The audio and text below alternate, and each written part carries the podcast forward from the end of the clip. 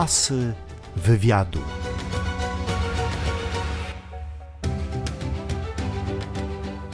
Reżyser, scenarzysta, aktor, poeta, malarz. Współtwórca scenariuszy między innymi do filmów Niewinni czarodzieje i Nóż w wodzie. Jerzy Skolimowski, barwna postać o barwnym życiu. Nie pali pan od kiedy papierosów? Od początku życia. Nigdy? Nigdy. A jakie nałogi? Wolałbym nie mówić o nich. No chociaż troszkę.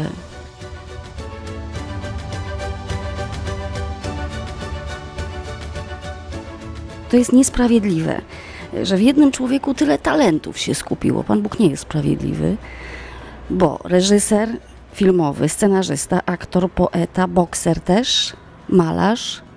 Jak to jest, panie Jerzy? Kiedy to było, proszę pani, to już jest prawie pół wieku temu, więc nie, nie przesadzajmy.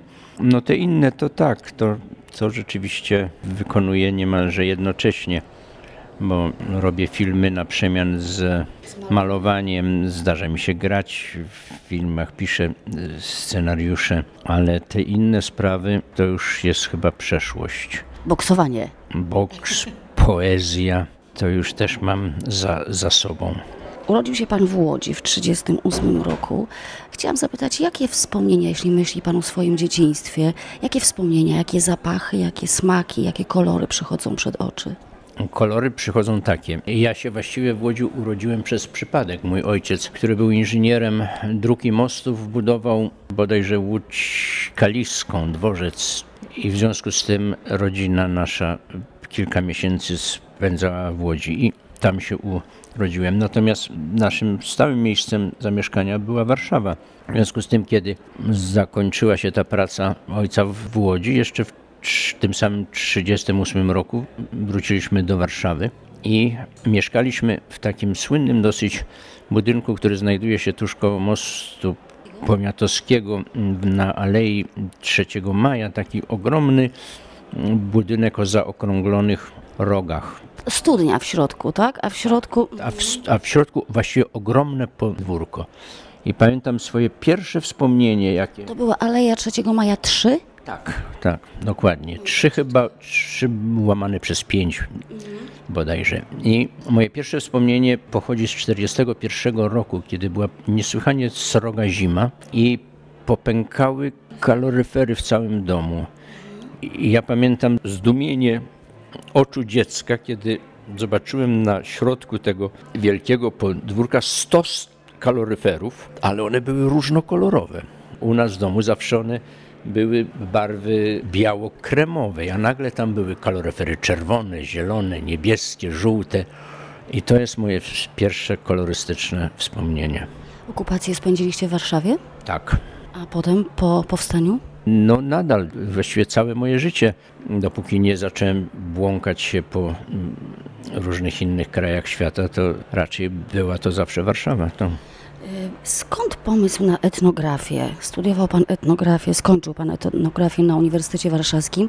Y, To taki zawód, który właściwie niczego nie dawał, ani, ani pieniędzy, ani prestiżu. To tak y, z nudów troszkę, z braku pomysłu? Nie, to było tylko w celu nie pójścia do wojska. Jeżeli się studiowało cokolwiek, nie zostawało się wcielonym do armii. Jakoś miałem wyjątkową awersję w tych 50 latach, żeby stać się Żołnierze. szeregowym żołnierzem ówczesnej armii polskiej. Więc studiowałem byle co. Nie udało mi się studiować tego, czego chciałem, czyli Akademii Sztuk Pięknych. Nie przyjęto mnie również na mm, historię sztuki ze względu na złe pochodzenie. Nie miałem tak zwanych punktów właśnie za, za pochodzenie, wręcz przeciwnie, miałem raczej punkty ujemne. A ponieważ zdawałem te egzaminy dobrze, więc nie mogli mnie kompletnie odtrącić, tylko kierowano takich jak ja na wydziały, które miały niedobór kandydatów. I tak trafiłem właśnie na etnografię i archeologię. To był wówczas wydział połączony. Asy wywiadu.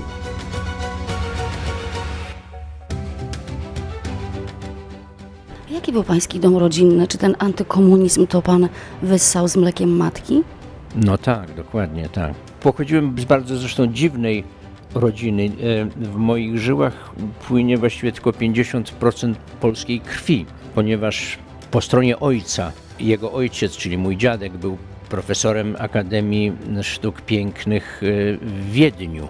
I tam wskutek skandalu musiał się ożenić ze swoją modelką, osobą o lekkim sposobie prowadzenia się, jaką Mademoiselle Dupont, francuską. W związku z tym mój ojciec był pół Polakiem i pół Francuzem. Natomiast ze strony matki, której matka, czyli moja babka, była koncertową pianistką polską, ale niestety została w sylwestrowy wieczór roku 1900 uwiedziona przez generała Postnikowa, rosyjskiego okupanta Warszawy. Śliczna historia. No śliczna, tak, tak.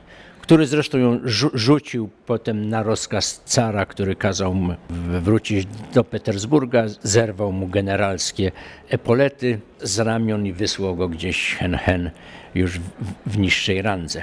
No ale w związku z tym ja miałem znowu, matka miała 50% krwi rosyjskiej i 50% polskiej, w związku z tym ja jestem w 25% Francuzem, 25% Rosjaninem i tylko w połowie e, Polakiem, natomiast czuję się stuprocentowo Polakiem. Panie Jerzy, e, chciałam jeszcze kilka wspomnień na temat słynnej filmówki, którą pan ukończył później w Łodzi.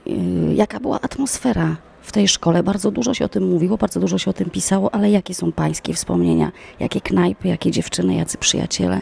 Czy jakieś przyjaźnie z tamtych lat przetrwały w pańskim życiu? No przetrwała przyjaźń z Romkiem Polańskim, przetrwała przyjaźń z Andrzejem Kostenko. Przyjaźniłem się zresztą nie tylko ze swoimi rówieśnikami, ale również i, i wśród profesorów miałem, miałem bardzo bliskie kontakty. Andrzej Munk był, mm, czym się bardzo szczycę, moim przyjacielem. No niestety odszedł tak wcześnie. Czy przy pisaniu y, scenariusza do słynnego Noża w wodzie bardzo się kłóciliście z Romanem Polańskim? To było boksowanie się? Bardzo. Nie, no do boksu nie doszło, bo mm, Roman by chyba na tym kiepsko wyszedł, ale kłótnie były dosyć, dosyć intensywne. Kończyły się zresztą zawsze tak samo. Mianowicie ja wyciągałem z kieszeni legitymację Związku Literatów Polskich, a Roman sięgał po nagrodę, którą dostał w Brukseli za dwóch ludzi z szafą. I, i wówczas trzeba było rozstrzygnąć, czy spór ma charakter literacki i wówczas ja byłem górą, czy też, było, czy też spór był czysto mm, na temat y, obrazu filmowego, no i wówczas Roman triumfował. Asy wywiadu.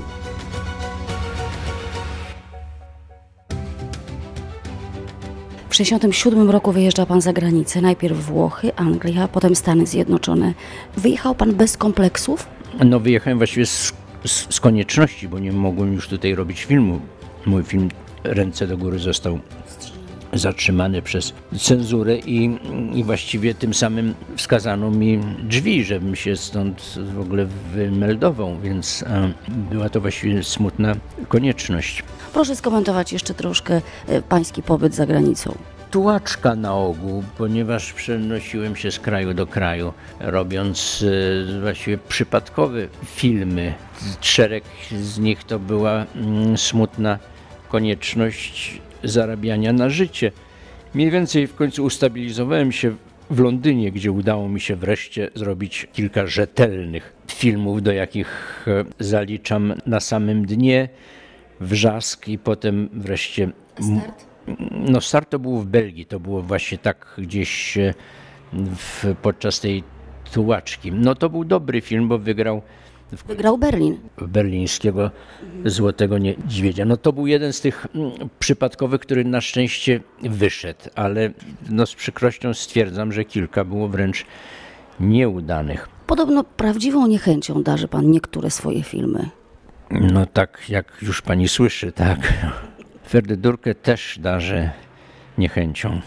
Byłem właśnie dosyć rozczarowany wynikiem ferdydurkę i, i wydawało mi się, że powinienem sobie zrobić przerwę od robienia filmów. Nie, nie planowałem oczywiście, że ona będzie trwała aż 17 lat, ale robiąc już te przerwę, e, zrozumiałem, że wreszcie mam czas, żeby zająć się swoją prawdziwą pasją, którą jest malarstwo i zacząłem e, no, malować, e, że tak powiem, zawodowo. No, wreszcie poświęcając na to i odpowiednią ilość czasu i i nabywając odpowiednie materiały, dużo formatowe płótna, dobre farby. No i zacząłem wystawiać i co dalej idzie, zacząłem sprzedawać i udało mi się sprzedać swoje obrazy y, dosyć znanym osobistościom. Tam Jack, Jack Nicholson ma trzy moje nie, on ma cztery moje obrazy. Dennis Hopper ma trzy. Jeremy Thomas, słynny angielski producent, ma zresztą ten obraz, który tutaj jest na zaproszeniu na tę wystawę. Targowali się? Oni sobie mogli właściwie pozwolić na moje kapryśnie wysokie ceny, ponieważ ja niechętnie sprzedaję, więc w związku z tym zawsze raczej daję tak zwaną cenę zaporową, ale stety czy niestety niektórzy moi, że tak powiem, klienci przyjmują te moje zaporowe ceny. Mieszka pan teraz na Warmii i Mazurach? Jest to prawda? Tak, to prawda, tak. Myślę, że to już jest takie moje ostateczne miejsce zamieszkania. Dobrze tu panu? Bardzo.